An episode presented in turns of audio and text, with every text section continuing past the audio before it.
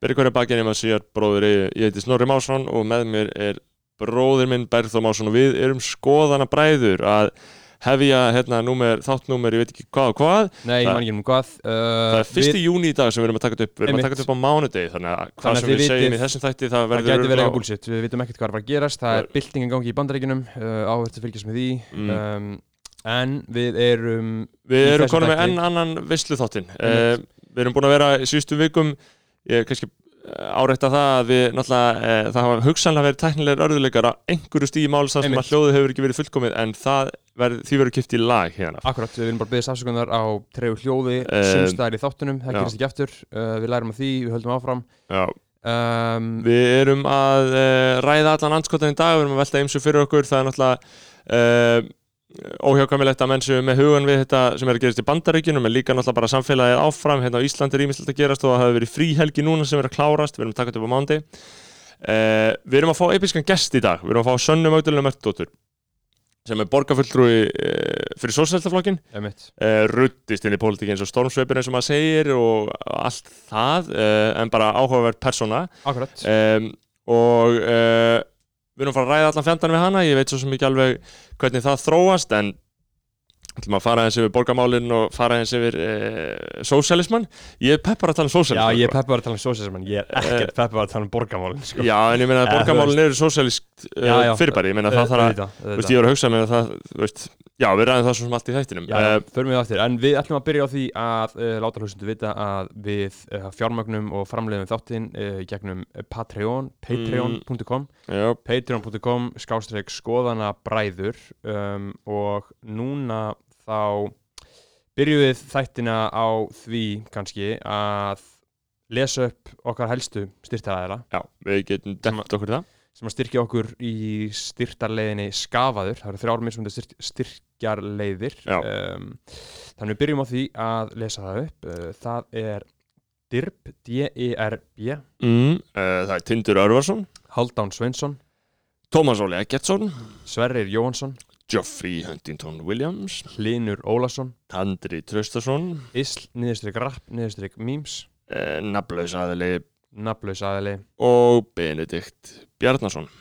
Takk Eh, hérlega fyrir stuðningin Þetta er fólki sem er að setja ævilanga virðingu á nöfnin. Það er að hendi okkur 30 dólarum á mánu en það er líka hægt að henda 5 eða 10 og þú fær þá aðgang að öllu öðni sem við gerum. Við gerum Aha. líka þætt að takja hana fresti sem eru einvörðungu fyrir skoðanabræðalæð Einmitt. Em, og þannig að þessi þáttur við erum að taka hann upp á mánudegi. Hann mun koma ofnbærlega út á föstudegi Já, en hlustendur mun hafa haft aðgang á honum þá um 5 daga skeið Einmitt. uh, alveg lætt Þarna, Já, já, já, hvað er hann að gerast? Er eitthvað í fréttir? Við tölum alltaf ekki um fréttir hér, við tölum bara um, Nei, nei.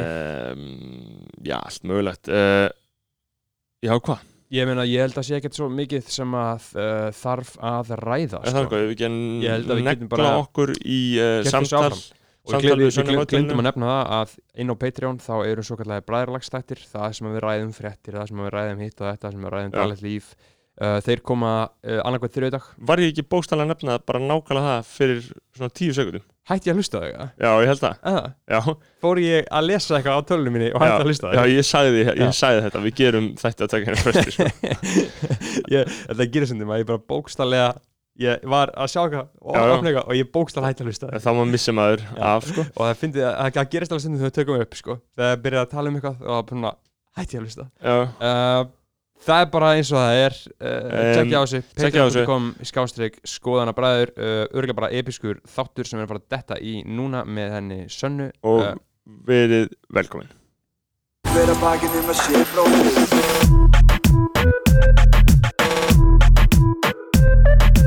Hver að bakinn um að sé bróðir Hver að bakinn um að sé bróðir eigi.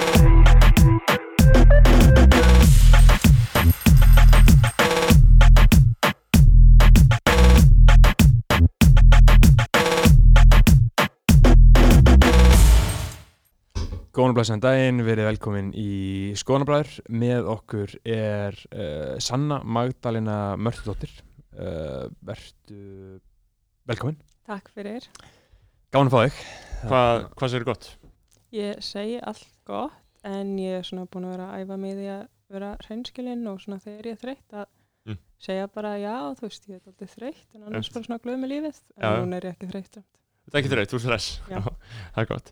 Þannig að uh, hvað gerir borgarfull núna erum við sérst á það er mánudagur, þannig að það sé, já, það er mánudagur í kvítasunni, annar í kvítasunni Mhm. hvað gerir uh, borgarfulltrúi sósættaflokksins á mánudegi kvítasunni Já, á morgun, sem sagt þriði daginn, þá er borgarstjórnar fundur, þannig í dag þá er ég að fara að undirbúa mig fyrir hann Já. og svo hérna erum við borgarstjórnar hópurum búin að vera með svona hérna spjallþætti á netinu í gegnum Zoom, þannig að hérna við erum að fara að taka hann upp á þriði daginnum, þannig að Mm. við erum svona að finna viðmælendur og fara að undirbúa hann og þannig ég er að fara að ringi fólk og heyri fólki og svo leis. Mhm. En byrju, hvað, hvað ertu að tala um þetta fyrir uh, rauðabólið? Eða, það er sem sagt, okkar þáttur heitir Hinn Reykjavík, já, er það á samstöðunni? er Já. á samstöðinni og rauðaborðið er annar þáttur sem er á samstöðinni. Já, sko, ég held að, ég veit ekki hvort að hlustnið þekkja allir, en, en ég mæli innilega með þeim eitt samstöðunni, Beggi, hefur þú tjekkað á þessu? Já, á, já, á, ég, ég, ég, ég hef hlusta hort á uh, rauðbólið nokkuð já, þetta er á, stemming, sko. þetta er á Facebook, um, samstöðun, á hvaða vegum er þetta nákvæmlega? Er þetta bara Gunnar Smári sem er að halda samstöðun úti, eða hver, hver er með samstöðuna? við erum rosalega mörg sem Já. að komum að þessu Já. þannig að Mhm. þú veist, þetta er líka eins og hinn Reykjavík, það er borgarstjórnar hópurinn og svo er öryrkjar á þið þannig Já. að það eru bara svona alls konar ólíkir einstaklingar Einmitt. og emmitt rauðaborði sem er öllu verið kvöld klukkan átta og þá Mhm. hefur hérna Gunnar Smári helst verið að tala við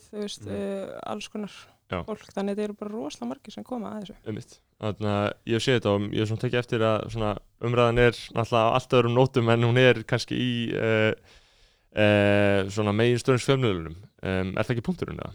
Já, það er náttúrulega að fá sko fram kannski, þú veist, þessar rattir sem eru núna eru kannski ekki alveg að greina ástandi svona út frá því, þú veist, uh, hvað er að gerast. Þetta er kannski aldrei sömu rattirnar sem eru núna í mainstreams fjölmjölum, þannig Mhm. að við þurfum aldrei að heyra, þú veist, líka bara svona fleiri rattir og Mm. hvað er að gerast til að ná að greina einhvern veginn ástandi. Hvernig, hérna, uh, hvað hva, hva, hva er planið? Svona, hvernig, uh, þetta byrjaði COVID núna, Emmitt, er það ekki rétt? það er svona spratt út frá því Já, og mér finnst við bara vera að halda áfram með þetta, sko. er. Mm. Jú, það er þörf á þessari umræð Já. og þetta er að fá greiðlega jákvæðar undirtektir. Já, það er alltaf fleiri og fleiri að horfa. En það er líka svo áhugavert bara, veist, að það er alltaf talað um í svona veist, það er alltaf verið auðveldara og einfaldara og tæknin náttúrulega gerir fólki kleift að bara gera eigin fjölmiðlega. Þannig er bókstæðlega bara hægt að framlega bara endra þessu sjómarsætni með sko engin, engar svona, einhverja svona fjárhanslegar forsendur á baki eða, eða tæki að græju, skiljum, mér finnst það svo áhugavert. Einmitt, en þetta er náttúrulega kannski slata vinna fyrir Já, fólki sem já, er svona bakveð sko. Einmitt.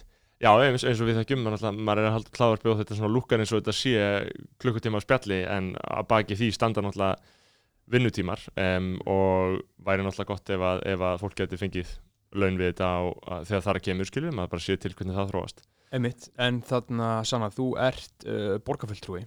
Uh, gætur svona útskýrt fyrir hlustendum hvað það er? Já, við erum og- það Já, er að- það þú er veist, að- hvað, þýðir það að vera borgarfulltrúi og hver er munurinn á því að vera í meir hluta og minni hluta og svona, hvernig verður maður borgarfulltrúi? Einmitt, um, ég vissi til dæmis ekki hvað borgarfulltrúar voru að gera fyrir nokkrum árum. Einmitt.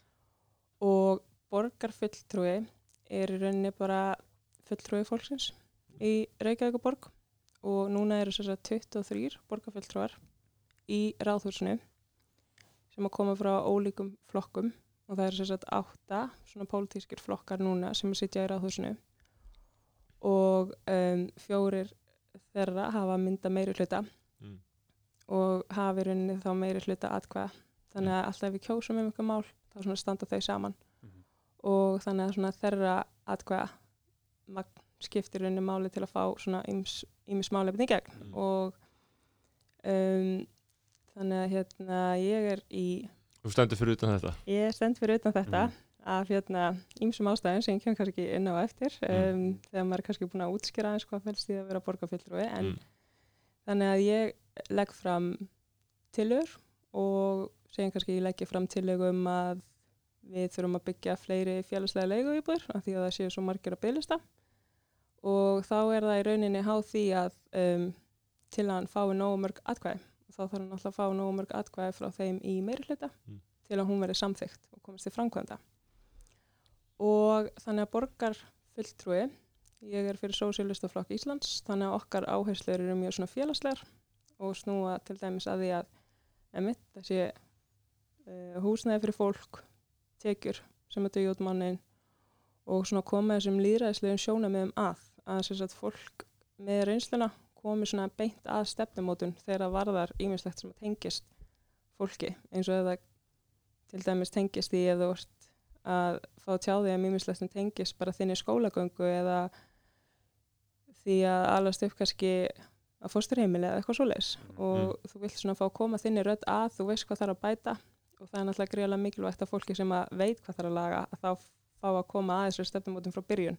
Að einhvern veginn fólki í borginni sé ekki bara sem einhverja stefnir og segja síðan herði viljið þið koma inn í þetta samráðsferdi og einhvern veginn gefa umsögn? Og Mm. svo kannski tekum við til til þess eða ekki heldur að fólkið emmitt komið bara strax að og þannig hljótum við nú að geta búið því bestu reglurnar. og eru þið að reyna að bæta þetta að, að sko það sé ekki bara eitthvað fólk í einhverju atvinnupolítikusar í, í ráðhúsunni sem hafa kannski bara lifað já, svona eru kannski bara í efri lögum þjóðfélagsins og fara síðan beint inn í pólitíka þeir séu þá ekki að semja einhverjar um, að, að sjá um einhverjar ráðstafanir sem eiga að vera fyrir skilur undirsætta hópa. Eru, eru, þið að, að reyna að fá fólk einhvern veginn inn í þetta veist, og hvernig getur við gert það? Hvernig getur við fengið þetta fólk inn Eins og núna þá til dæmis fengum við hérna leigjanda inn í stjórn um, félagsbústa Já. og ég held það sé bara sögulegt, ég held að það hafi aldrei gerst að bara leigjandi sem að leigir hjá félagsbústum Já. sem er sem sagt hérna félagslega íbúðakerfið hjá Mhm. borginni sé inn í stjórninni og þannig Það hefur að alltaf bara er verið- Þetta er bara eitthvað fólk sem að skilur þetta ekki og er bara eitthvað að stjórna er sem, á bara íbúðir sjálf, sjálft jafnvel og svona Já. Mhm. Og að það er verið að fara að ræða ímislegt um kannski bara eitthvað þú veist, að nú þurfa að fara að hækka leigu til að félagið þú veist, standi undir sér fjárhagslega eða eitthvað svoleiðis. Mhm. að þá er náttúrulega miklu erfið að vera að ræða það bara eitthvað fyrir framann einhvern leigjanda bara eitthvað að þetta verður óvinnsæl Já, þannig að þú veist, alls konar svoleiðis. Það hljómar hljómar sem mjög gott skref. Hve- Hvernig eru svona uh, félagslega íbúðakjærfið í Reykjavík? Hvað eru margar og hvernig,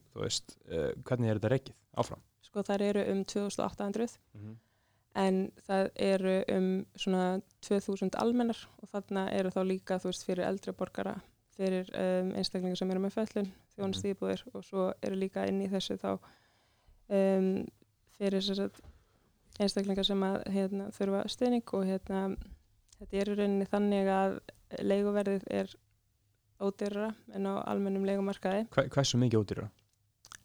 það er svona ég veit það ekki nákvæmlega en það hefur verið talað um sko einhverju skýslinn sem ég hef lesið eitthvað 60-70% ódýrar en almenna markaði mér finnst það nú ekki geta staðist sko mm Mhm. því að þetta er náttúrulega bara greiðlega mikill kostnæður sem fólk er að greiða Mm -hmm. þó að þetta sé félagslega eh, svona eigi að vera félagslegt af því að það er líka talað um sko að þetta kerfi eigi að standa undir sér fjárhagslega Já, að sem sagt uh, er að borga í rauninni að já, þetta. og hérna og helstu tekjurnar í rauninni einu tekjurnar koma frá leigjendum, Mm. Mhm. leigu tekjunum þeirra þannig að þetta aldrei svona uh, gengur alls ekkert upp að einhvern veginn fátakast af fólki í borginni sé einhvern veginn að greiða fyrir þetta Einmitt. kerfi til að halda uppi borga fyrir þetta eins og hvað annað Já, og svo það, þar, það, það, það þarf að stækka náttúrulega til þess að fleiri geti komist í íbúðu sem að henda þeim Mm. og þá einhvern veginn eru þessi leyendur komin með ábyrðirunni fyrir að stækka þetta kerfi eins og maður sér það, Já, vá, þannig Mhm. þetta á bara að stækka með peningum fólksins sem að nýti sér þetta. emmitt Það er ekkert verið að leggja auka pening í þetta. þú veist það kemur eitthvað svona frá borginni og eitthvað svona sem heitir stoppframlög og eitthvað svo leiðis Mhm. en náttúrulega helsti tekjugrunnurinn er náttúrulega frá leyendum Já. Einmitt, þannig að, þannig að hugsun er að reka þetta í hagnaði og nota hagnaðin til þess að stækka þetta. já, þú veist þetta á náttúrulega að vera uh, á núli þú veist þetta á að vera ekki emmitt að koma út í pluss en það er rosalega svona í rauninni galið að einhvern veginn fólki í vesturstöðinni Mhm. eigi að vera í einhverju félagslegu kerfi sem á að vera fjárhagslega sjálfbært til að, Er, er þetta ekki eins og bara þannig að við ræðum líka við um nótum og höldum sér smátt og smátt Mhm. áfram með bara Ja. borga fullur starfi er þetta ekki eitt af fjölmörgum dæmum um það bara hvernig íslenskt kerfi virka þannig að því fátakari sem þú ert, því fátakari verður uh, að í rauninni bara þú kemur inn í þetta og þú verður bara fátakari og fátakari eins og bara með lánakerfið og eitthvað slíkt ég meina um, hefur þú ekki velt því svolítið fyrir þér? það er náttúrulega rándýrt að vera fátækur sko. Já, Mhm. þannig að þú veist eins og að þú vinnur kannski, það var náttúrulega samið nýbúið að semja, já, það er frábært við eflingu, Mhm. en þetta var rosa barátta og maður skilur ekki sko af hverju, þú veist, hérna meiri hlutum bara gerði þetta ekki fyrir löngu og emmitt, eða þú veist að vinna varst að vinna leikskóla og það bara dýr ekki til að lifa út mánuðin og þá ertu komin í eitthvað annað starf og maður hugsa einhvern veginn sko, þú veist, hver er lógikinn á bakveg það að greiða fólki svo lélega laun að þau eru bara eitthvað, þú veist, farast úr stressi alla daga, Mm og í og- uppreisn í þú veist, rauninni eins og, eins og gerist skilur um já, og ég er að hugsa einmitt eins og stundum líka með um, námslánakerfið og annað skilur að þetta er einhvern veginn kerfið bara virkar, er það, er það fjandsamlegt við, fyrir fátaka að þú ef þú þarft að taka námslán þá verður fátakari að þú þarft að taka, taka námslán. Allt sem, þú, allt sem gerir þið fátakan gerir þið fátakari skilur, er þetta ekki eitthvað sem þið viljið uh, í rauninni bara grípi rætunar á og breyta? Jú, algjörlega. Og við höfum til dæmis verið að ræða, þú veist, ætti ekki að vera kannski jafnvel námslaun í staðin fyrir námslán, ég meina, Já. er þetta ekki bara, þú veist, hver önnur vinna? Og hérna líka þegar að, þú veist, fólk sem kemur frá fátakum heimilum, það kannski hefur ekki þetta svona bakland einhvern veginn að geta bara, um, þú veist, margir ungir geta búið í foreldrahúsum, geta verið í námi, þurfi ekki að hafa áhyggjur að því að vera að vinna ofan á nám og hérna þurfi ekki að hafa áhyggjur af tekjum að meðan að kannski um, ungmenni sem að er að vinna með námi flosna það kannski upp á námi og ná ekki að ljúka við námi þannig að þetta er alls konar svona aðstöðu munir sem er kannski á milli ungsfólks þannig að hverjir eru að veist, hverjir hafa aðganga að námi veist, þetta er ekki gjaldfrálst þannig að það er alls konar svona þættir. Og ég fyrir aðeins inn á þú veist aftur með eins og hérna uh, störf sem eru illa borguð. Og að því að á borgarstjórnarfundum daginn þá voru að fara yfir ársreikningin og það er rauninni bara hvað þú veist Reykjavíkuborg hefur nota peningin sinn í. Og þá er eitt liður sem heitir langtíma veikindi og borgin er bara með svona pott sem að hún getur uh, notað til þess að greiða þú veist fyrir langtíma veikindi starfsfólksins. Og hér Reykjavíkuborg það starfalega þú veist nýjúst næstu í tíðust einstaklingar. Og það er náttúrulega alls konar svona ástæður fyrir langtíma veikindum, það kemur ekkert þarna fram. Það getur náttúrulega verið ímislegt en við vitum að það hlýtir náttúrulega að spila inn í að þú veist, ef þú hefur náttúrulega alltaf áhyggjur af fjárragnum að það náttúrulega, þú veist, gerir ekkert góða hluti fyrir andliðu hliðina, þannig að þú veist ég emmitt lagði fram fyrirspurt bara í borginni, þú hvort það sé einhver tengsla millir þess að vera lálunamanniska og kannski vera að ringja sig oftar inn veikur og þannig að mér finnst þetta að vera daldið emmitt, þú veist, það er kannski verið bara dýrt að greiða fólki svona lálaun Mhm. þannig að þú veist, það borgar sér ekkert þú Þeir eru svona sk skrít, skrítið kerfi sem einhver svona reikningstæmin uh, ganga ekki upp eins og við tala um áðan með uh, lín uh, að taka lán. Það virkar ekki þú, Mhm. þú getur ekki farið í háskóla og leiða bara á lín kaupinu, eða ekki? Ég, ég, ég las sem þetta í viðtalið við þig Mhm. að, að þú hefði farið í háskóla alltaf taka lín en þú bara færið ekki pening til þess að lifa. Ég haf bara búin að vinna svo mikið sko, þannig að hérna, ég átti bara rétt af einhverju smá. Út af, að, út af því að þú varst búin að vinna svo mikið þá fegst ekki réttindi frá lín til þess að taka pening til þess að lifa. Hva, hva, hvern- hvernig virkar það, hvernig meika það sens? Hver, hver er uh, að verja þetta hver eru rökin á baku þetta? Ég skil ekki neitt sko, ætla þessi ekki bara til að þú veist, halda fólki frá námi eða eitthvað, ég veit ekki hver rökin er á baku þetta sko. Um, nei, akkurat, en já, þú ferð til mér saman morgun, þú veist, ég meina, og hvernig er að vera, þú veist, af því þú náttúrulega kemur inn í þetta eins og segir, þú, en uh, fyrir einhverjum uh, tveimur árum eða hvað sem segir, þá vissir ekki nákvæmlega hvað fólst í þessu, en síðan allt í hennu ertu komin í þessu stöðu og þú ert að vinna sem borgarfulltrúi, kjörum fulltrúi, liðast eða kjörum fulltrúi, um, er þetta gaman eða? Bara svona að forvitni, er gaman, er þetta gaman? já, þetta er mjög skemmtlegt Já, mjög skemmtlegt er þetta ekki rosalega átöka?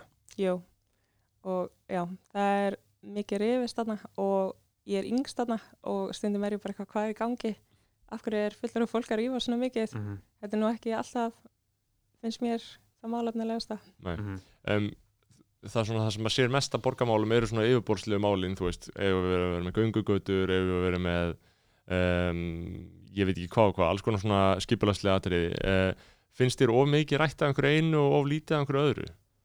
Já, ég meina, sko, ég skil alveg að þurfum stundum að ræða hlutina og þurfum bara tíma til þess en þú veist, maður vill tryggja einhvern veginn grunninn og meðan það er einmitt bara eitthvað, þú veist, 700 einstaklingar að býða eftir húsnæði hjá borginni á meðan að þú veist, tekju fólks hafi ekkert verið að döga, skilur og meðan að þú veist, það er alls konar eitthvað svona og þú veist, bygglistar í alls konar þjónustu fyrir börn og alls konar eitthvað svona, þá finnst mér bara eitthvað þurfum við að ræða einmitt sögum mál í marga, marga, marga klukktíma. Mhm. Getur ekki bara afgreitt þetta, gert þetta og snúða okkur á næsta. mm.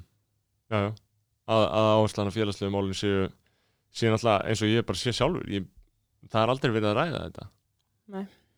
Þetta, þetta er ekki það sem kemst upp á yfirborði í, í umræðinu En hvað hva er það svona aðalega svona kjærisbundi eins og þess að tala um áðan sem er mjög, mjög áhugavert að uh, fólk sem fer í borgarpólitík er bara fólk frá svona mjög svona einslitað, bara fólk sem er bara klára stúdinspróf, tekur BA-próf, uh, masterskráðu, skiluru, lifi bara típisku svona uh, íslensku lífi, hefa mjög gott. Uh, er það aðal vandamálið að, þessi, að, og, og, og að þetta fólk sem sagt geta ekki skilið hvernig það er að vera öðruvísi en þau og, og alast upp á annan hátt? Er það aðal vandamálið?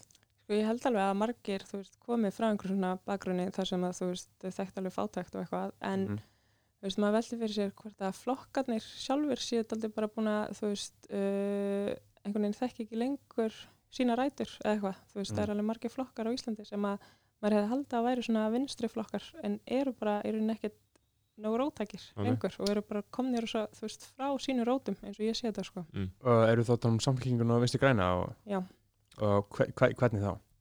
bara, þú veist, eins og þessi flokkar byrju náttúrulega rosa mikið í einhverju svona, þú veist, uppbrunnið þeirra er mjög sósialískur, en svo veit maður ekki hvað hefur gerst, en ég er allan ekki að sjá þær áherslur jafn mikið og þegar maður lítur til sögunar, þannig ég veit ekki, þú veist, hvað gerist, en þess vegna held ég að það sé greiðlega mikilvægt, sko, að maður leggja áherslu á fólkið einmitt, þú veist, með reynsluna komi inn, þannig í staðin fyrir, þú veist, að ég færi í stjórn félagsbústa að það væri núverandi leigjandi sem færi í stjórn félagsbústa og þú veist og þegar við fáum kannski eitthvað svona til umsagnar í velferðaráði sem varða kannski stefnu uh, vegna batna og batnafjölskyldna eða breyting á reglum um fjárhagsaðstóð að ég sé ekki bara eitthvað ein að renna yfir þetta þú veist sem einstaklingur sem setur í velferðaráði Reykjavíkuborgar heldur að ég sé að reyna að dreifa þessu til veist sem flestra. Þú veist það er gert nú þegar. Þá sendir velferðaráð alltaf til hagsmuna aðila en að við sendum þá bara þú veist að ég leggi það áherslu á bara getum við sendt þetta til allra sem eru núna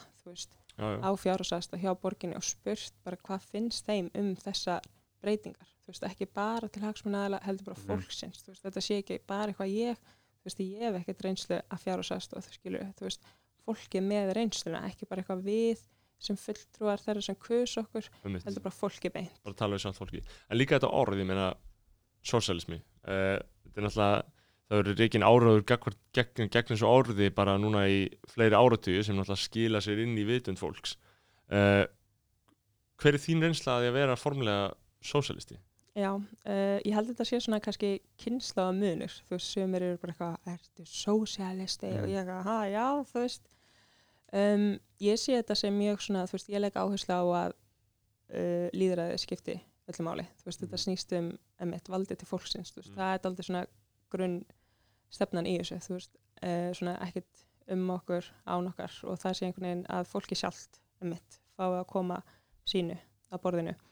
Um, en svo held ég að þetta sé alltaf svona kannski um, sömur sem að kannski emitt hérna líst einhvern veginn ekkert á þetta hugtak og hugmyndafræðina sem að er að baki þessu en aðrir sem eru emitt, þú veist, ég hef líka tekið eftir að margir eru bara mjög fegnir, bara vá loksins er komið bara eitthvað svona sósialista flokkur Mhm. bara eitthvað vá, ég ætla að ganga til liðs við þessa hreyfingu, bara Ja. magna þeir eru bara að koma út sem sósialista flokkur þú veist, frábært Já, já, því að maður náttúrulega lítur á á heimskapitalisman og maður náttúrulega hugsa ok, þetta gengur ekki alveg upp ég meina bara heimurinn er, er hræðilegu staður vegna meðal annars haggjur neðsist uh, þjóðfélag skipulagsins ímynda, finnst mér og ímynda ég mér og ég er náttúrulega ekki alveg viss um það og ég slæði einhver fast en, en sósialismi gæti það verið leiðin skilur Uh, og, og þú talar um að uh, líð, líðræði var undir stóðin að sósialismanum en fyrir hlustendur sem ekki vita bara hvað sósialismi er getur þú útskýrt það? Þú veist, hver er munurinn á sósialisma og öðrum pólitískum stefnum? Sko, mér finnst náttúrulega sósialismi vera bara, þú veist, félagshyggja Mm. uh, á móti einstaklingshyggju og svona eins og við sjáum einstaklingshyggju í dag þá er þetta bara svona hver maður fyrir sig þú Mhm. veist, einhvern veginn svona hérna, hvað segir maður, survival of the fittest Bara bara svona án samfélags Kapitalismi. já, sósialismi er bara ansta kapitalisma, þú veist, gegn öllu því og Mm. það sem við hefum að vera, þú veist, samfélag þar sem að við byggjum upp uh, nógu sterk kerfi, þar sem að, þú veist við einhvern veginn bara svona hérna, já erum í þessu saman, ekki eitthvað, þú veist, hver í sínu hotni og ef þú veikist að þá bara eitthvað sucks to be you, skilur þú veist, við byggjum upp einmitt þessi hérna kerfi sem eru svo mikilvæg og þess vegna finnst mann aldrei fyndi hvað er mitt allir þessi kapitalísku kerfi þurfa núna, þessi fyrirtæki þurfa núna á svo miklum sósialism á að halda frá ríkinu. Og maður Mhm. hugsaði bara byrju, vildi þið ekki hérna núl ríkisafskipti og núna er það allt hérna að byggja um hjálp? Og þetta náttúrulega hérna vil maður gera allt til að hérna tryggja uh, afkomu starfsfólks en þú veist, allir þessi fyrirtæki eins og þú veist, bláa lónið og eitthvað sem eru núna bara eitthvað, þú veist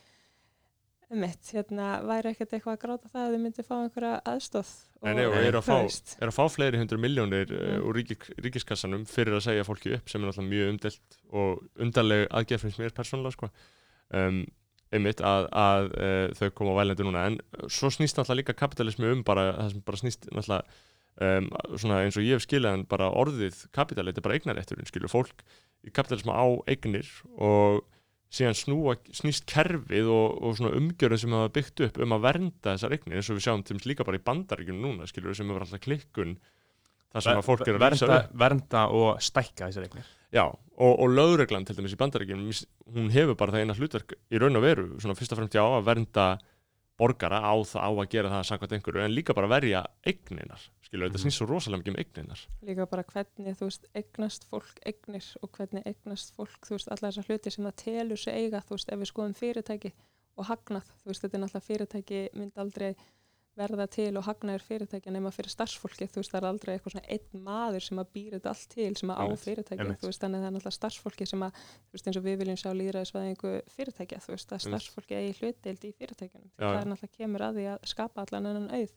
En Já, hver, hvernig getur maður komist að því eins og til dæmis í bandaríkjunum þá er það svona nokkuð skýrt hvernig kapitalismin byrjaði. Þetta er bara brettar sem að flytja þarna og bara genocida uh, þá sem að byggu í Ameríku sem sagt svona native americans uh, myrða þá og byggja upp landið og eignina sínar með bara að fá það ókipis sem er alltaf dýrast með þrælahaldi og byggja samfélagsett upp frá því. Þess að verða heimsveldi sem er í dag og við halda þessu bara viðbjóðslega kerfi byggt upp á ókipis vinnu svartra manna, svart, svart fólks. Og það er svona nokkuð skýrt en hvernig er þetta á Íslandi? Hvernig var kerfið byggt upp hér? Vitum við það? Þú veist, Já, ég, er eitthvað sam, þú veist, þetta er alls ekki sambarlegt en Nei, hvernig vitum við hvernig af hverju er af hverju á ríka fólki svona mikið pening á Íslandi? Hvernig, hvernig, gerist það? þetta er stór spurning Já, já, við búum alltaf í kapitalísku kerfi og ég er að segja, veist, að það snýst alltaf um eignarréttin þar, þú átt eignir og þetta er það sem líka við vorum að tala um skilju, þú ert fátakar og verður fátakar og átt eignir þá Já. eignastu meiri eignir og, og, og kapitalismi er kerfi sem gerir uh, þeirri framvindu klift að fara fram, skilju, ég held að Mhm. það snúist um að, að því meira þú átt því meira áttu og því minna þú átt því minna áttu, sko. En, en, en hvernig byrja þeir sem eiga að eiga? Hvernig gerist það á Íslandi? Er ekki fjölskyldu tengsl og kannski möguleg tengslin í stjórnmálastjættina og eitthvað Mm. svoleiðis mögulega kannski Já, já, og hvað er þetta á upprönnu sinni náttúrulega bara lengur og flóknari spurninga, það hefur bara verið svona aðallina og, og Danir og við getum svo alveg, alveg haldið áfram með það, sko, en, en, en já, En- en- en- Mér finnst bara svo áhverð að þetta er svo skýrt í bandaríkinum skilur, en þetta er svona að, aðeins En svona þetta er ekkert eins skýrt í bandarækjunum og þú stillir því upp, þú getur bara stilt því þannig upp, því ég get alveg stilt þessu svona einfaldi upp á Íslandi líka, skilur við, ég meina, En hvernig stillir, þessu svona upp, svona einfalt á Íslandi? uh, hér hefur bara verið, hér var, ég meina, Danir voru með einokun á verslunina, skilur við, og það voru fjölskyldur sem voru í stengslu með þessar versl, nei, við þessar, við nýlundaherrana, skilur þú, þú þurftir að, þú þurftir að vinna fyrir Dan, Danmörku til þess að vera eitthvað á Íslandi, skilur Mhm. og þær fjölskyldur áttu bara alltaf pening held ég. Og síðan þegar við fengum sjálfstæði, hvað gerist þá? Það eru verslunamenn og svona, ég veit ekki. Ég er ekki einhver Nei. en, en ég er að hugsa með mitt, sko. Lauruglan er hluti af þessu kerfi sem við erum að tala um, kapitalismanum og uh, ríkið uh, eins og við sjáum núna, eins og við svo að segja skilur með, þú veist uh, aðgerir stjórnvalda beinast að miklu leitið mitt núna bara við að hjálpa fyrirtækjum en ekki launafólki, sem er alltaf bara hræðilt að sjá, en það er líka fyrirsjánlegt af því að ríkið er náttúrulega í eigu auðmanna, finnst manni, að einhver leiti uh, er það ekki líka til þess að sem við erum að sjá í bandaríkjum til þess með að þú veist ríkisvaldið og peningarnir eru í svo sterkum tengslum en þegar það þarf að verja það þá náttúrulega er lauruglan bara verk, verkfæri. Og mér langar einmitt að tala um þetta ofbeldi sem er í gangi í bandaríkjum og þessa byltingu og þessa upprýst, hefur fylgst með þessu? Já, uh, hvað finnst þið verið að gerast þannig? þetta er náttúrulega bara endurspeglar kerfisbundi óreittlæti Já, sem er í gangi í bandrækjunum Mm. og bara greiðilegir kynntata fordumar akkurat. Og þetta er fólk einhvern veginn að um, þetta byrjaði náttúrulega með uh, dauða George Floyd eftir að lögreglum drapan eins og maður sá í þessu myndbandi og svo bara springur eitthvað út uh, Já, þetta byrjaði í rauninni miklu fyrr. já, eða að segja svona núna já, Já. en auðvitað á sér miklu lengri sög Mm Er þetta ekki nokkuð svona, svona, uh, svona tipping point í að gerast núna? Já, þetta er náttúrulega, þetta hefur verið að gerast bara í greiðlega langa tíma og núna held ég að fólk sé bara algjörlega komið með nóg enn og aftur og náttúrulega eins og við höfum verið að sjá með reyfingunni Black Lives Matter mm. og hérna sem hefur verið núna síðustu sex ár og það var einhver svona reyfing sem að emmitt hérna bara algjörlega hérna tók á flug og þetta er náttúrulega bara endurspeglar það sem hefur verið að gerast bara síðustu ár, síðustu ára og bara óréttlæti er svo greiðlegt og bara hvít forréttindi og hvernig já, þetta er bara já, þetta er, þetta er bara óréttlætið er svo greiðlegt og hérna hvernig þá, ég meina hva, hva, hva, hvernig, hvernig blasir það við þér? Hvernig, í hverju fælst órættlætið að það sé emmitt, að það sé verið að drepa svart fólk, að hvít fólk komist upp með það, að um, einhvern veginn stjórnvöld og embætti einhvern veginn leifi hvítu fólki að komast upp með það, Mm. að það sé einhvern veginn það, við vitum það miklu hættilegra að vera svart manneskja í bandrækjunum heldur en hvít manneskja, við vitum að það er uh, svart fólk einhvern veginn kemst eða hvít fólk kemst upp með að gera uh, hluti sem að svart fólk kemst ekki upp með svona hérna tölfræðilega, þú veist við vitum það og það er svo sárt að sjá einhvern veginn það er rattir sem segja einhvern veginn svona nei, herru, þetta eru nú ekki kynþáttafordómar. Þú veist, þetta eru nú, þetta eru kannski bara einhver svona skemmt epli sem að breyða svona illa við innan lauruglega embættisins, en þetta er, þú veist, þetta er kerfislægt vandamál sem að þarf að taka á, þú veist, þetta er rasismi, þetta er um, þetta er svo stórt Mhm. vandamál sem þarf að eiga við. Þetta er ekki bara nokkri klikkaði lögreglumenn heldur er í rauninni lögreglu kerfið sem slíkt vandamálið? Já, bara lauruglu kerfi, þetta er í rauninni bara djúbstætt kynþátt að misrætti í bandaríkjunum og þetta er í rauninni bara afleiðing uh, þess kynþátt að ofbeldis og kerfis sem að hefur verið í bandaríkjunum bara í mörg hundruð ár, held ég. Þetta sé einhvern veginn að byrtast út náttúrulega hvernig uh, hefur verið komið fram við svart fólk í bandaríkjunum sem svona minna en mennskir einstaklingar og, og þetta tegið sig víða og einhvern veginn hvernig kerfið í kringum bara hérna svart fólk hefur verið rosalega svona dehumanizing og hvernig einhvern veginn þrælahald var réttlátt, hvernig einhvern veginn þó að þú veist hérna það hafi síðan verið komið í lög einhvern veginn um að það megi ekki eiga þræla og það megi ekki koma svona fram við svart fólk að þá sjáum við samt ennþá þú veist hvernig það komið fram við svart fólk bara eins og við séum minna en mennsk, við sjáum það hvernig uh, fangelsin eru engaveit, við sjáum það hvernig svörtu fólki er hérna emmitt, þú veist, í rauninni bara svona uh, svart fólki er í meiri hluta þú veist, í fangelsum þó að þú veist, Mhm. æ, þetta er bara, já, ég Já. ætla að segja eitthvað rosa snitt um þetta en ég verð alveg svona pínu svona emotional einhvern veginn, Mhm. eðlilega tala um þetta sko Algjörlega, og, en hvað hva höldum við að uh, sé að gerast núna? Er bylting gangi? Er, er eitthvað að fara að breytast? Hva, hvað þarf? sko, emitt, það er búið að vera daldið svona sko, þegar emitt Kaepernick, hann hérna var uh, skammaður, þú veist, fyrir að krjúpa hann á knýja og það er Mhm. einhvern veginn bara svona nei, þú veist, ekki mótmæla svona og svo er þessi bylting og það bara nei, ekki mótmæla svona, þannig að það er einhvern veginn svona þú veist, það er eins og fólk með ekki mótmæla friðsamlega, það með ekki mótmæla hinsegin og hinsegin, það með ekki mótmæla með því að skrifa pisla eða með því að krjúpa á knýja, þannig að þú veist, það er bara ég held að það sé vonandi loksins núna komið að þessu að Já. fólk muni hlusta og við sjáum líka svona alþjóðlega alþjóðlegan stuðning það er líka Mhm. einmitt, all, allar þessar rættir sem er alltaf að segja sko, einmitt, ekki mótmála svona, ekki gera Mhm. þetta svona ég, vil, ég, þú veist, ég skil alveg að þið viljið réttlæti en ég vil ekki að þið gera þetta svona þetta fólk er náttúrulega bara að segja bara ekki gera neitt af því maður langar ekki neitt breytist emitt, emitt. um, og núna tekur fólk málin í einu hendur Mm um, Og er, haf, hafa ekki allar uh, stóru breytingar mannkynnsögunar gerst með þessu Jú. sem er að gerast akkur núna? algjörlega, algjörlega Um, þú veist, einhvers konar uh, ámáran átt orðið óeirðir nei, en sko nei, uppreist uppreist. veist, maður getur sagt uppreist, Já. mótmæli það er Já. náttúrulega alls konar orðanótkun sem er mjög Mhm. erfitt, ég er búin að Einmitt. skrifa um þetta á MBL skilur að reyna að finna uh, bara le- réttu leiðin til að orða hlutina, þannig Já. að það bara oft flókið, sko, af því að það er svona það eru vanar, skilur, óeirðir Það er íslenskan yfir í ræjot ræjot, sem er ekki rétt orð yfir þetta. protest, skilur, hvað finnst þér? Mér finnst bara að orðanotkun þurfa að endur spekla einhvern veginn að það sem fólk er að gera núna er ekki rámt eða þú veist, það er einhvern veginn ekki hérna, þetta er ekki bara eitthvað, þú veist, hérna, fólk sem er einhvern veginn bara eitthvað að hlaupa út og þú veist, að því að einhvern veginn orðraðan sem að þú veist uh, hvít fólk með fordóma vill nota í garð svartra einstaklinga sem eru núna að berjast fyrir réttlæti er að þetta sé bara einhverju klikkausar sem eru að hlaupa út á götu og kveiki í öllu að því að þetta er einhverjur, hérna, þú veist um, afsakið hvað er hreinskilin apa sem er bara aftur að fara aftur til Afriku þú veist, það er aldrei orðraðan sem að hérna, maður býst við því að einhverjir vestu kynþátt hattar séu kannski að stiðast við í Mhm. sínum uh, huga Mhm.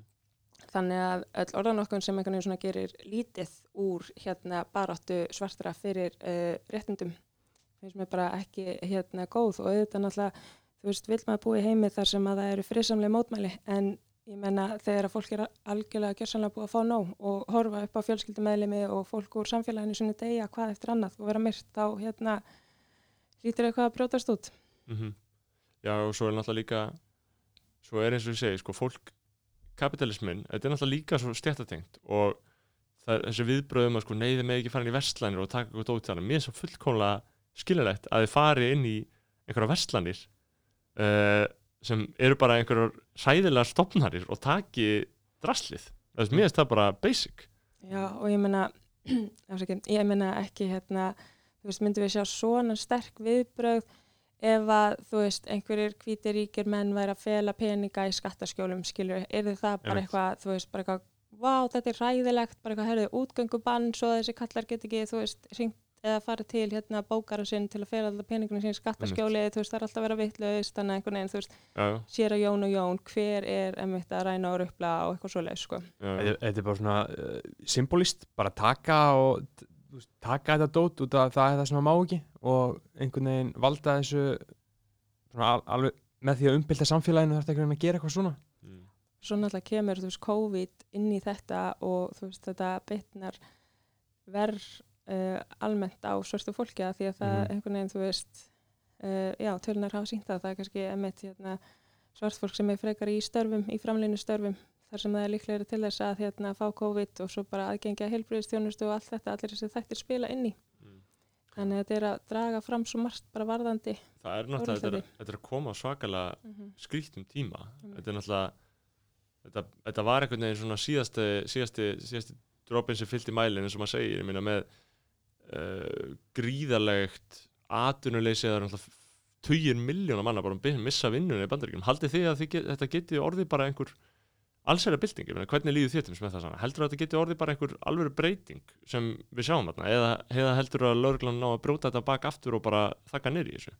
Ég náttúrulega óttast hvað geti gerst með hann hérna mann sem fórseta sko. Já, já, en um, ég held að þetta getur orðið alvöru bylting og sérstaklega þú veist, við erum með tæknina núna sem hjálpar okkur, þú veist, við erum að tengjast á milli þjóða, þú veist, og það er verið að skipleggja núna mótmæli og samstöðu fyndi í fleiri löndum, þannig ég held að núna bara nóg er komið nóg, þú veist, Já. fyrir löngu. Einmitt. og hvað hva getur við svona sem Íslendingar gert til Já, að hjálpa þeim Mm. hann úti? Ég held að sé náttúrulega bara að þú veist, fræðast og kynna sér málin og hérna, af hverju, þú veist, það hjálpar ekki að segja all lives matter. Mm einmitt, Einmitt. já, en, en, en hver, hver er tengingin svona við uh, þessa baráttu og baráttan á Íslandi Uh, já, það er náttúrulega bara hérna, hvernig, bara svona a- Mhm. almennt Mhm. bara svona ke ke kerfisbundið Já, óréttlæti og sko. líka sko mun þetta hafa áhrif á, uh, á Íslands, Ísland Já, og líka fólk er einmitt að hugsa skilur þú veist, það, það, það sjá allir uh, blatant rasismann í bandaríkjunum Mhm. uh, en það er ekki talað um þetta á sama hátt á Íslandi, við Íslandika tölum stundum eins og það segja engin rasismi hér, skilur já, já, já, einmitt. Ég held að á Íslandi sé rosalega mikið svona, hérna, já, uh, ég held að sé allir svona, hérna, kannski tvær fylkingar, þú veist, á Íslandi, annars vegar þeir sem að hugsa einhvern veginn á Íslandi er engin rasismi, þú veist, það er eitthvað svona, eitthvað svona létt og eitthvað svona leiðindi sem að einstaklingar stundum þurfa að upplifa en þú veist, það er engin rasismi á Íslandi. Og svo náttúrulega hinn hópurinn sem að sér þetta algjörlega og er meðvitaður um þetta og þá kannski beinist þetta helst náttúrulega einstaklingum á uh, vinnumarkaði. Já. og sem eru náttúrulega bara að eiga við það að fá uh, minni réttindi og alls konar slíkt. Mm. og svo náttúrulega er bara uh, við erum ekki laus við rasisma, við erum ekki laus við kynþáttafordóma, við erum ekki laus við útlendingahattur alls ekki, tölur veru meir hluti Íslendinga er rastar. Bara 100% á, á, á, á, á einhvern átt en það ekki? Ég veit það ekki alveg. En það er allavega ég ætla hann bara svona, þú veist en fólk kannski ómeðvitað. Mhm. án þess uh, er það kannski ómeðvitað að það er bara eitthvað svona norma því að hér er einhvern veginn, þú veist, maður fær ekki maður, maður margir alast ekki upp í einhvern veginn fjölbreyttu umhverfi. Og sjá bara fólk sem er eins. Það kannski spilar inn í að ég sjálf er brúna og blöndu um uppruna og hef svona gegnum tíðina líka heyrt aldrei bara eitthvað svona, þú veist að ég sé að gera of mikið úr hlutunum og ég sé að sjá rasisma alls þar þannig að Mhm. þú veist, mér finnst ég kannski þurfa líka stundum, þú veist, að passa mig að vera ekki eitthvað svona eitthvað, já, það er óslega miklu rasismi, Mhm. rasismi hérna, að því að Mhm. þá, þú veist kannski muni fólk einhvern veginn vera bara eitthvað svona æ, þú veist, þú ert að gera of mikið úr þessu en að fólk muni taka meira marka á þessu, þú veist, komandi frá emmitt hérna hvítingstrákum, Mhm. þú veist, að þeir ekki leysir að segja meir, þannig að þú Mhm. veist, maður líka er kannski búin að læra það að maður þurfa að vera svona varkár í því hvernig maður setur hlutina fram Akkurat, já, Já. það er mjög áhugavert sko, að, Mhm. að ég gæti á endanum lift mér að segja meira um rasisma en þú, ég meina sem er náttúrulega svo sem geti orðið fyrir honum og annað líka að uh, fólk kannski sem eru lúmski rastar í sér passa sig í kringu þig eða þú veist að, að þeir, þeir opinber ekki svona casual rasisma eins og þau myndi gera við okkur uh, Já, já. fyrir framann okkur myndi leifa sér að segja eitthvað rasist sko. alltaf sér ímislegt um, en einmitt að því þú sagðir einmitt líka að þú veist, þú, þegar þú fer að tala um þetta ástand hérna í bandaríkjum þá verður þú bara emotional eins og segir minna, þetta er, þetta er hjartans mál fyrir því og þú, þér finnst þú vera hluti af þessu. Ég er náttúrulega, sko já, maður hefur fengið alls konar svona hérna uh, ég fengið mjög lítið af einhverjum svona rasisma á mig, eða þú veist já, um, og ég náttúrulega veit ekkert hvernig er að vera í bandaríkjunum, þú veist, ég er náttúrulega bara býðið mjög mikil forréttindi hér á Íslandi og þú veist, ég þarf ekki að hafa áhyggjur af neinu, en hérna, þú veist, þetta er alveg já, þú veist, maður hefur alveg fengið alls konar svona hérna komment út á húðliti sinn og, og það kannski bara sýnir manni hvað við búum um í kerfi þar sem að húðlitur skiptir greiðlega miklu máli og þú veist, það alveg uh, vekur upp tilfinningar að hérna lesa veist, þessar greinar og sjá hvað er að gerast og sjá einhvern veginn hvað bara, þú veist, húðliturinn og einhvern veginn, þú veist, hugmyndafræðin sem við höfum, sem að hefur verið búin til í kringum það að vera dökkur á hörund, einhvern veginn getur bara leitt til þess að fólk bara hafi greiðlegt hatur í garð einhverja einstaklinga, veist, og ég get bara talið upp atvikinn sem að, þú veist, svona ljótustu sem ég fengið og þau eru bara nokkur, en það er bara eitthvað, þú veist, hei negri, ég skeitaði á þann og svo bara eitthvað svona, þú veist, einhver stelpa að banna mér að sitja á borði hjá sér og allt hitt er meira svona, þú veist, meira svona, þú veist, hvaðan ertu og, og hérna, mm. þú veist, neik, bregðaldi, neik, þú veist, hvaðan ertu í alvörunni? Og þú veist, svona meira þannig sem Já, er svona, þú veist, ekki svona leiðindi en samt alveg svona, ég ætla bara að segja þér að þú ert ekki hérna að því þú ert brún, þú veist, eiginlega svona þannig, svona pikk og pot. Já, þannig að þú veist, þó maður veit alls ekkert hvernig það er að vera náttúrulega í, þú veist, bandaríkjunum að þá, já, þá er það alveg svona, já, einhverja hluta vegna, þá svona kemur þetta við mann eins og þetta kemur við bara marga já. Af því það er náttúrulega einmitt búið að vera umræða við þeim líka bara í, þú veist, Þýskalandi, Danmarku, veit ég hvar og hvar, það sem náttúrulega er auðvitað ekki alveg, þú veist, það er náttúrulega ekki nærri í, ja, stórt samfélag svartara þetta með hér og, og í bandaríkinum eða þá bara almennt á í Európlöndum og í bandaríkinum þannig að veist, það er alltaf þessi spurningum um, sko, hvernig getur maður, skilur bara hvernig getur maður eins og ég bara einhvern veginn lagt að mörgum eða gert um, líð þess að fólk sem er einfallega betra? Það er náttúrulega líka bara það sem þetta snýst um skilur, mhm. Maður veit ekki það er náttúrulega bara að taka þátt og, og taka umræðina kannski og og, og hlusta sko Já, ég held það, það sé, emitt, þú veist, greiðlega mikilvægt, þú veist, bara svona sína stuðning þess að maður getur og líka bara svona hlusta, þú veist, og hérna uh, kynna sér málin og hérna, þú veist, og emitt ekki að vera eitthvað svona, kannski nei, mér finnst þetta ekki vera svona, þú veist, og vera bara emitt kynna sér hlutina. já, já. Já, það verður áhverð að sjá uh, hvernig það þróast í bandaríkjum. Ég heyrði mjög áhugaverða staðrind að því náttúrulega eru svartir í minnultahóp í bandaríkjunum Mm. uh, og hvítir, uh, þú veist, það er white supremacy í bandaríkjunum uh, en ég heyrði það bara áðan, ég hlusta bara í morgun uh, að árið 2040 þá jafnast þetta, að mun þetta jafnast út, skilur, Mm. þá vera hvítir minnultahópur í bandaríkjunum já, í fjölda í fjölda, mm. skilur, Mhm. bara í tölfræðilega að Mhm. þetta bara, þú veist, þetta bara dreifist, skilur, Já, fólk já. blandast og verður öðruvísi og þá er einmitt að, þú veist, mun heiminum vera öðruvísi þá? Skipti það máli, eða? Svo líka bara eins og við séum kannski ekki komin einhvern veginn, þú veist, við erum ekki búin að laga rót vandan, svo líka ekki gott í allar þessari umræði þegar að sko fólk einhvern veginn segir eitthvað svona, já, þú veist, ég sé ekki liti. Þú veist, Mhm. það er heldur ekki gott að vera einhvern veginn bara eitthvað svona, þú veist, svona colorblind og vera bara eitthvað svona, þú veist, já, fyrir mér eru allir jafnir og ég sé ekki liti og þú veist, mér finnst bara að við séum bara eitthvað svona, þú veist, hérna eitt samfélag að því þó það sé verið svo fallegt og það sé staðinu þar sem við viljum enda á að það einhvern veginn hjálpar að samt ekki að, þú veist, vera samt ekki meðvitaður um að fólk upplýðir alls konar, þú veist, fordóma út af hvernig það lítur út. Það, Já, það er svona all, life, all lives matter fólkið. Emmitt, emmitt. Það er eitur í jákvæðinni sko, það er gott Já. að vera Það er eitur í jákvæðinni, það var maður að láta eins og allt sé í lægi og þetta sé í rauninni ekkert vandamál heldur eigum við öll að vera vinir og svona en og þetta er reyna- barátta skilu, þetta er það sem við erum að sjá þarna er barátta Já. og uppreist Mhm. uh, og ég væri bara til að veist, sem, meikar heldur ekki það mikið sænska skal ég segja, en ég væri til að vera þarna og sjá þetta skilur, Mhm. maður er búin að sjá svo mikið af myndböndum og þetta er svo Já, ég fucking meina, crazy sko. Þetta er brjál, Já. Þetta er rosalegt Já. Ímyndið ykkur að vera bara ef allir væri bara út á götu hérna. á lögavegin í Reykjavík og það væri bara raunveruleg barátta og allir bara okkur einsta kvöldi að reyna einhvern veginn að breyta hlutum, skilur og að þetta er eina leiðin sem að sem að mannkynni þekkir En ef að þið færu út, þá allan að myndi öruglega ekki þurfa að ágjöra því að vera handteknir. Einmitt.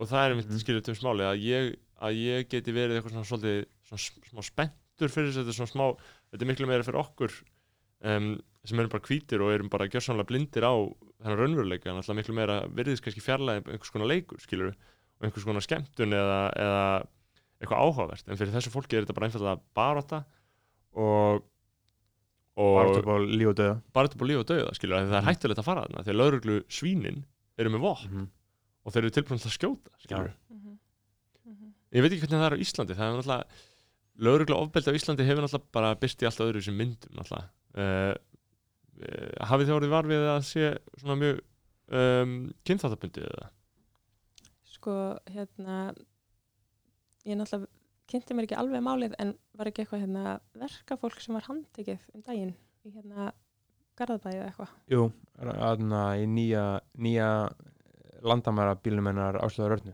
Já, hvað er það? nei já, ég fatt ekki alveg hennar bíl heldur sko Þetta er sem sagt bara nýr bíl sem Mm. er sérhæður í því. Að það er sagt að hann eigi að vera þegar komið svona skemmtifæraskip þetta á að vera svona, þetta á að vera svona færanlegt border patrol skiljið, þetta á að vera svona, svona remote, Já, geta, mobile þetta farið með út um allt. Og konseptið er að þetta eigi að vera að taka á móti fólk sem kemur á skemmtifæraskipum til þess að tjekka á þau Mhm. bara hv- hvaðan ertu, bara eitthvað að passa bara eitthvað dót, sem er alltaf bara lígi sem er bara lígi Já. Er bara rastabíl er En er það ekki að viðhalda þá, þú veist, er þá ekki nefnt aldrei sett í það að vera að viðhalda einhverjum svona, hérna, mjög shady lögum um útlendinga? Jú. Jú, bara viðbjörslegt og þau keira um á þessum bíl bara á einhver liðnaðsvæði og tjekka á verkamönnum Já. bara hei, Einmitt, og það er hva, einmitt- hvaðan ertu? Í staðin fyrir að ég veit það ekki, tjekka á aðstæðanum akkur er að koma þinga Skilurðu? Nákvæmlega. Og vinnuveitandanum? vinnuveitindanum, einmitt já, tjekka honum einmitt. Um, og það er og, og, líka og, taka myndir af sér inn í þessum bíl. Já, freka viðbjöðslegt sko. Brosandi, áslega arna inn í bílnum brosandi, já. með löggum. En, en ógæslegt En þetta er einmitt líka uh, þar er einmitt, skilur, þar byrtast líka bara fórhundi mín, sko, að velta fyrir mér að, ímynda mér að þetta gerist ekki á Íslandi, skilur, að lauruglan að lauruglan sé ekki beitt í þessum tilgangi á Íslandi. Þetta er náttúrulega auglustli gangi hér líka þetta bara byrtist einmitt með þessum hætti í stæðan fyrir að uh, byrtast nákvæmlega eins og að gerist í bandaríkjunum Og líka þeir eru að taka fjölskyldur, þú veist, og senda, taka þið hann að nótti til og senda þið, þú veist, heim.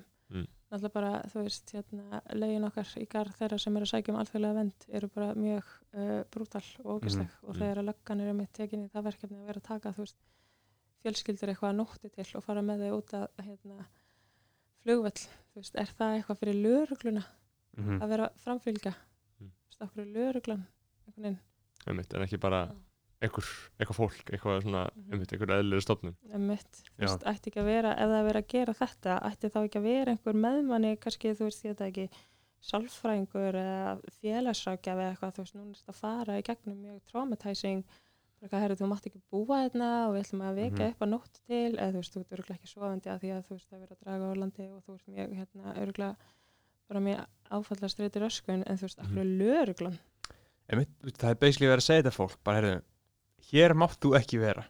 Mm bara þú ert að fara burt uh, út af einhverju þriðju reglugerð einhvers konar Schengen-laga einhverja difflina reglugerðar bara eitthvað sem er ekki til. Bara eitthvað búið til á einhverju fólki veist. og líka bara af hverju lögreglan líka send á vettvang þegar að veist það ætti augljóslega að vera sjúkrabíl þú veist, einhver hefur verið að nota vímefni eða þú veist einhver er bara hefur verið að drekka eða eitthvað þú veist, er í annarlega ástandi eða eitthvað þannig þá lögreglan, Já, einmitt, það er enginn að bróta lög þú veist, það þarf einhver bara aðstóð einmitt. Já, ég held að það sé líka mitt svona hugafarsbreyting sem þurfti að verða einmitt, að, að lauruglum væri bara haldið einfallega fyrir utan alls konar mál sem hún þarf ekki að blanda sér í einmitt. Já, já, þetta er, þetta er uh, svakalegt ástand þarna, sko.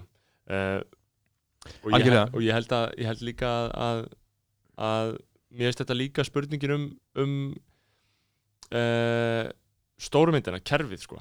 Þú veist, kapitalisman, þetta er uh, uh, þetta er ekki bara spurning um rasisma heldur, er rasismi innbyður í kapitalismana þegar eignina liggja hjá fólki sem hefur hagsmunni á því að rasismi haldi áfram. Af því það er búið að arðræna náttúrulega fylgta fólki og vil halda fram að gera það Já. til dæmis í þessum einhverjum fangelsum og þá þarf að fylla fangelsin og hver er þá í fangelsunum og fyrir hvað. Já, já, Mm. og, og hvað gerir lauruglan? Þeir eru fulltrúar kapitalsins og vinna fyrir fólki sem á peningana við að halda óbreyttu ástandi, skilur. Mhm. Þannig að þetta er risa stórt samhengi og lauruglan er player í því samhengi, skilur. Í kapitalisma samhengi, sko. Mér finnst svona, mér finnst það ekki alltaf rætt og fólk getur til mér bara rétt sem mér finnst óeðlilegt þegar fólk talar um uh, veganisma og fólk talar um, já, þú veist, rasisma eða fólk talar um uh, alls konar réttindamál án þess að setja því samingi við þjóðfélagsskipulagið um, skiljið hvað við Já, mm. kapitalismi viðheldur öllu kapitalismin, það, það, hann, er, hann er rót vandans Hann er er bara það, forritaður og uh, forritaður til þess að viðhalda öllu þessu og halda Já. þessu áfram. En þú veist, og svo á sama tíma þá veit ég ekkert hvort ég myndi vilja umbylta kapitalismanum algjörlega og fara einhvern algjörlega sósælist kerfi, menn að maður veit það ekki heldur skilur Já, hv- hvernig þarna, náttúrulega margir þegar, fólk svona gaggrinir sósalisma þá gaggrina það að svona enga framtækið sé ekki uh, svona valjúað nógu mikið og að þá væru við ekki með öll þessi fyrirtæki sem að gera heiminn betri staða, bla bla bla bla veit, veitingastæði, fatabúðir og alls konar svona, svona hva, hvern, hvernig svarar þeirri svona almennu gaggrinni Ég held náttúrulega að þegar að þú veist þetta hérna arðaráns fyrirkomulag sem að ég sé fyrir mér með kapitalisma að þegar það myndi fara að þá myndi við virkja sköpunarkraft svo margra sem eru náttúrulega bara óksla kúaði núna undir mm. fjárháslegum áhyggjum og þau myndi þá hafa einhvern veginn meira rými til þess að skapa þá myndi koma fram svo góðar hugmyndir að það einhvern veginn þú veist sósialismi þýðir bara að fleiri myndi hafa tíma og orku og geti til þess að setja fram góðar hugmyndir og einhvern veginn skapa þú veist fallegt samfélag. En það þýðir þá kannski bara að þú veist það sé ekki eitt kall sem á Amazon, það sé ekki eitt kall sem á H&M, það er ekki eitt kall sem á Primark og er einhvern veginn að þú veist græða því að láta einhverja konur í Bangladesh sauma fötin fyrir sig, þú veist, það Mhm. eru fleiri sem að eiga þá fyrirtækin. og einhvern veginn eignar haldið á þá þessum fyrirtækin breytist og koma kannski fleiri fyrirtæki fram, en ég menna ég held að það drepa ekkert einhvern veginn, þú veist, eitthvað svona enga framtak í þeirri merkingu sem við erum að hugsa um, þú veist, hver komið fram með hugmyndir og eitthvað þannig, sko. Mhm. -hmm. Þannig, Það verður bara framkvæmdar öðruvísi já. uh, og hvernig sjáu þið sér þú út um þess bara persónulega fyrir þið baráttunum framöndan ég minna uh, hvað, er, hvað er planið hjá þér? Það er náttúrulega bara að koma uh, röddum fleiri borgarbúa inn í veist, kerfið eins og ég kallaði þér á þessunu og þú veist, alla tillögur er runni mótar þú veist, af því eins og þú veist, ég hef skrifað tillögur þar sem að hérna, foreldrar hafa verið að benda á einstæði foreldrar bara eitthvað, þú veist, þegar ég er með batni í leikskóla og Já. það fyrir síðan í grunnskóla þá hækka kostnærin hjá mér, þú veist, að því ég fæ afslátt á leikskólagjöldum. Eins og þegar batni fyrir grunnskóla og ég byrja að borga, þú veist, maltir og allt þetta. Þá er í náður bara tíu krónir dýrar að greiða veist, hvað er þetta? Þannig að þú veist, tillögur eru svona mótar að því að tala við hérna, fólki í borginni. Þannig ég ætla bara að halda því plani áfram að tala bara við sem flesta. Og bara borgin emitt, hún sé bara raunverulega að hún hendi öllum þeim sem að búa Mm -hmm. í borginni og finnst eins og að hafa ekki verið að tala við sig í gegnum tíðina þegar að þú veist við fáum já, svona myndir af stjórnmálafólki á uh, strætó Stoppstöðum stoppistöðum en, en framtíðasýnin Já. uh, uh, myndir þú vilja vera borgarstjóri? Mm, þú getur borgarstjóri eitthvað verið rótækur Nei, Nei, það að sé ekkert spennandi Einmitt, að ég, þú sagðir, þú sagðir einmitt í viðtalið í fréttablaði að þú atna, vildir ekki ganga út úr uh, ráðhúsinu eftir fjör ár og svona orðin hvað hún sagði, tam, tamin millisetta Já. kona í drakt Ömmitt, ömmitt. um, er það þetta var fyrir tveimur árum Mm er ennþá sem pælingar eða? Já, að því að við erum sko rosalega oft á fundum þar sem við erum að undirbúa okkur fyrir fundi, lesa fundagögn og þú veist, fara yfir hérna fundagerðir og svona.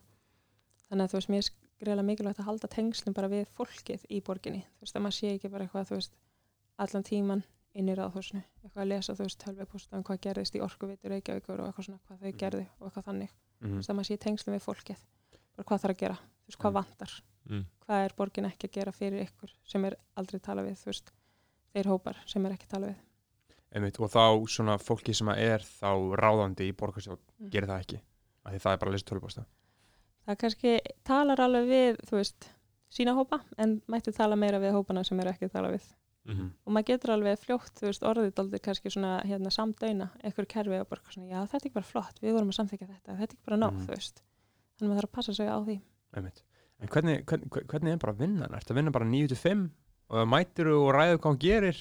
Smáttu bara eitthvað taka strætu upp í graf og, og spjalla eitthvað gaman fólk það er eitthvað vilt skilur sko ég er með fasta fundi en annars þú veist ræðum maður bara alveg tímanum sínum. Og ég er alveg með mjög fast þú veist að byrja alltaf bara þú veist allavega nýju en ég er ofta að spyrja fyrr. Og ég þarf kannski að æfa því að þú veist hætta síðan að vinna. Mm. um, og því að maður er mitt þú veist fer heim og heldur áfram og er að kynna sér eitthvað og þú veist pæli einhverju og eitthvað svo Mhm. og þetta er þú veist þetta er mitt hérna tala við fólk, skrifa til þur senda þér inn fyrir einhvern x tíma að því það er alltaf eitthvað svona deadline sem að þarf að vera Mhm. búin að senda þér inn og svo líka bara eitthvað svona undirbúa sig fyrir fundi stundum er rosa mikið að málum Hvernig samstarfu við til þess flokkin? Ertu að tala við fólk í sjóstæðstaflokknum og hver eru, þú veist, við, við hverja talar daglega um það sem Mhm. þú ert að fara að gera? þú veist, eins og uh, allir sem eru með, þú veist, eitt kvosininn eins og ég er með, er Mm. með varaborgarfulltrúa Mm. og þannig við hefum verið að vinna málinn alltaf svona saman, þú veist, undirbúa okkur saman þú veist, fyrir ráð og bara eitthvað herri, veist, hvað Já. finnst okkur um þessa tilög, hvað finnst okkur um þessa og svona setja tilög fram og svo erum við með, þú veist, svona bakkóp og ég er alveg mjög heppið með það að við erum með fullt af, þú veist, sjálfbóðaliðum sem að bara eru til í að vinna saman í þessu, eða þú veist, Mhm. fullt af bara svona fólki í hreyfingunni sem maður getur alltaf verið að tala við og þannig að við erum bara mjög öllu hreyfing og erum alltaf að spjalla þú veist, það er kannski eitthvað, hei, þessi er svo mikið inn í þessum málum, þú veist, ég ætla að heyri honum eða heyri henni eða eitthvað svona þannig þannig að þetta er, já, Þetta er fjör. þetta er fjör Mm. Mm. Já, ég er þarna, ég mjög- ég er mjög gaman að því að þessi komin líka orðið, sko, ég fíla orðið, sósælsta flokkur, sko. Mm. um, og um, og peppa samstöðuna líka með staðahóvert, mm hveit að þetta að fara á Facebook á samstöðuna, horfa á hinn Reykjavík, heitir ekki, heitir, heitir ekki eitthvað program það? Jú. um, algjörlega uh, en spurning hvort að við eigum eitthvað mikið vantalað eða vanrætt, hvernig líður ykkur með það? Uh, mér hefst bara búin að fara aðeins svona alltaf- maður getur náttúrulega sittið hérna og rætt uh, afstandi í bandaríkjunum uh, mjög lengi og líka Já. pólitíkina þar uh, þar eru við náttúrulega með ný fasista í kvítahúsinu mm. uh, sem er komið niður í neðanjarabyrgið mm. Uh, hann er komin í bunkerinn hann er komin í bankar Já. um, hann er náttúrulega rasískur anskoti og hlut, og hann er náttúrulega ekki að gera neitt nema bara að hella ólíu eld. Heldur að það væri betra að hafa annan til með sanna, hvernig myndið þú myndið það? Heldur að það væri betra að hafa einhverja aðra fórustu í þessum málum þar eða, veist, eða, eða byltingin óhjákvæmlega hvað sem er? Þú veist, Trump þarf náttúrulega bara að fara sko, mm, getur ekki bara að senda hann út í geimi eða eitthvað. Jú, með Þarna, Nei, ég segir svo Já, já, ég, ég held að það veri sem að skilast, ég, ég hef verið, ég hef talað, sko, ég ímyndaði mér á tíma að ég hef gaman að Trump, en núna er ég svolítið að sjá, já, að sko, að ég hef gaman að hvernig hann væri að, uh, skilur fokka í hlutunum að því að alltaf kerfið er alltaf kerfið, skilur, mér, mér leiði eins og það væri ekkert öðruvísi við hann, heldur bara orraðina, skilur, og það væri, væri bara afhjúpandi, en núna er ég að sjá að það breytir raunverulega miklu að hafa mann þarna sem er, sem hann tala gegn Stórhættulegt. breytingum. Já, það er bara stór hættulegt, ég sjá það núna að þetta er stór hættulegt að hafa þetta mann sem er Já. bara líklegur til þess að bara beita ógeðslega ofbeldi sko.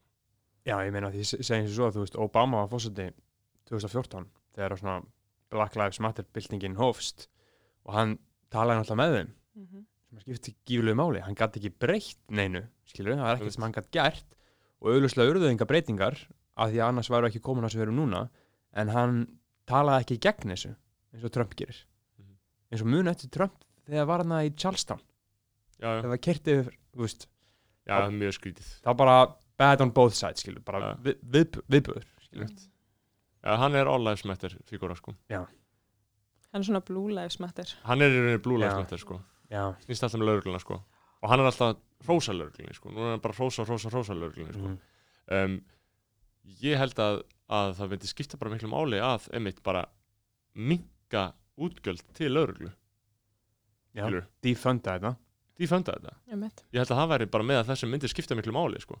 Og líka á íslensku, Íslandi skilur bara minka útgjöld til lauruglu það væri pólitísk aðgerð skilur sem væri hægt að gera. Væri það ekki eitthvað? eitthvað svona endur byggja þetta þá og byggja þetta á nýjum grunni eða já, bara svo hefur maður verið að sjá í bandreikunum eitthvað svona hérna bara abolish, Já, Já, þetta líka bara, þetta er í rauninni eitthvað sem að við heldur í rauninni, þetta er kerfi sem er hanna til að halda utanum forréttindi einmitt.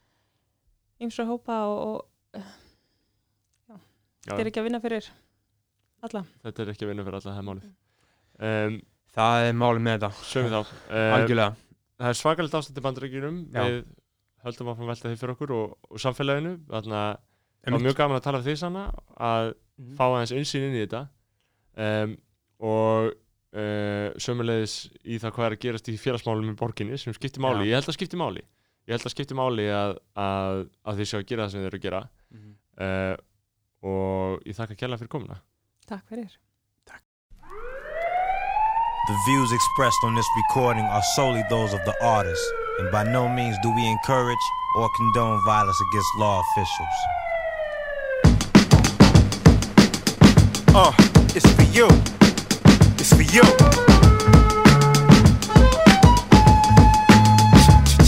Uh, yeah, it's for my street niggas. Feel it. On the count of three, say fuck the police. One, two, three, fuck the police. Yeah, fuck 'em. Applaud any nigga. Damn right, I'm we could lose a few of them, we got enough of them. My niggas on the corner, they be dodging and ducking them. Bitches getting pulled over, end up fucking them. For real. And see, now we got these fake cops, they thought he had a gun.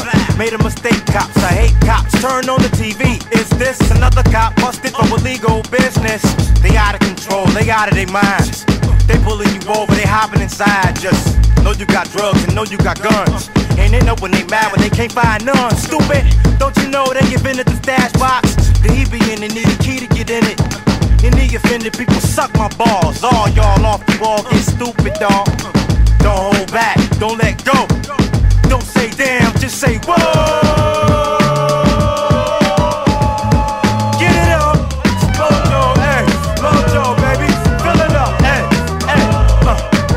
The count of three, say fuck the police. One, two, three, and fuck. Yeah, don't you know it's dangerous these streets? Don't you know it's gangs of us who grow deep, nigga? We OGs fill up the whole Jeep, nigga. With the beats. Hell in the rover, it's over homes to hold these. The reason we hold things is no peace in the streets with the police in the streets. Yo, it's the old niggas though for O's and keys. It's more than the beef with the 5 0 In the streets with the 5 0. It's a game of survival, dude. Now tell me who protects me from you? I got people who buy texts and weed from you. And all the niggas see in the news is cop corruption. Niggas getting popped for nothing. And niggas getting stopped and the cops pull out and bust 'em. Y'all need to get shot for nothing. Cause we don't hold back, we let go. We don't say damn, we just say whoa.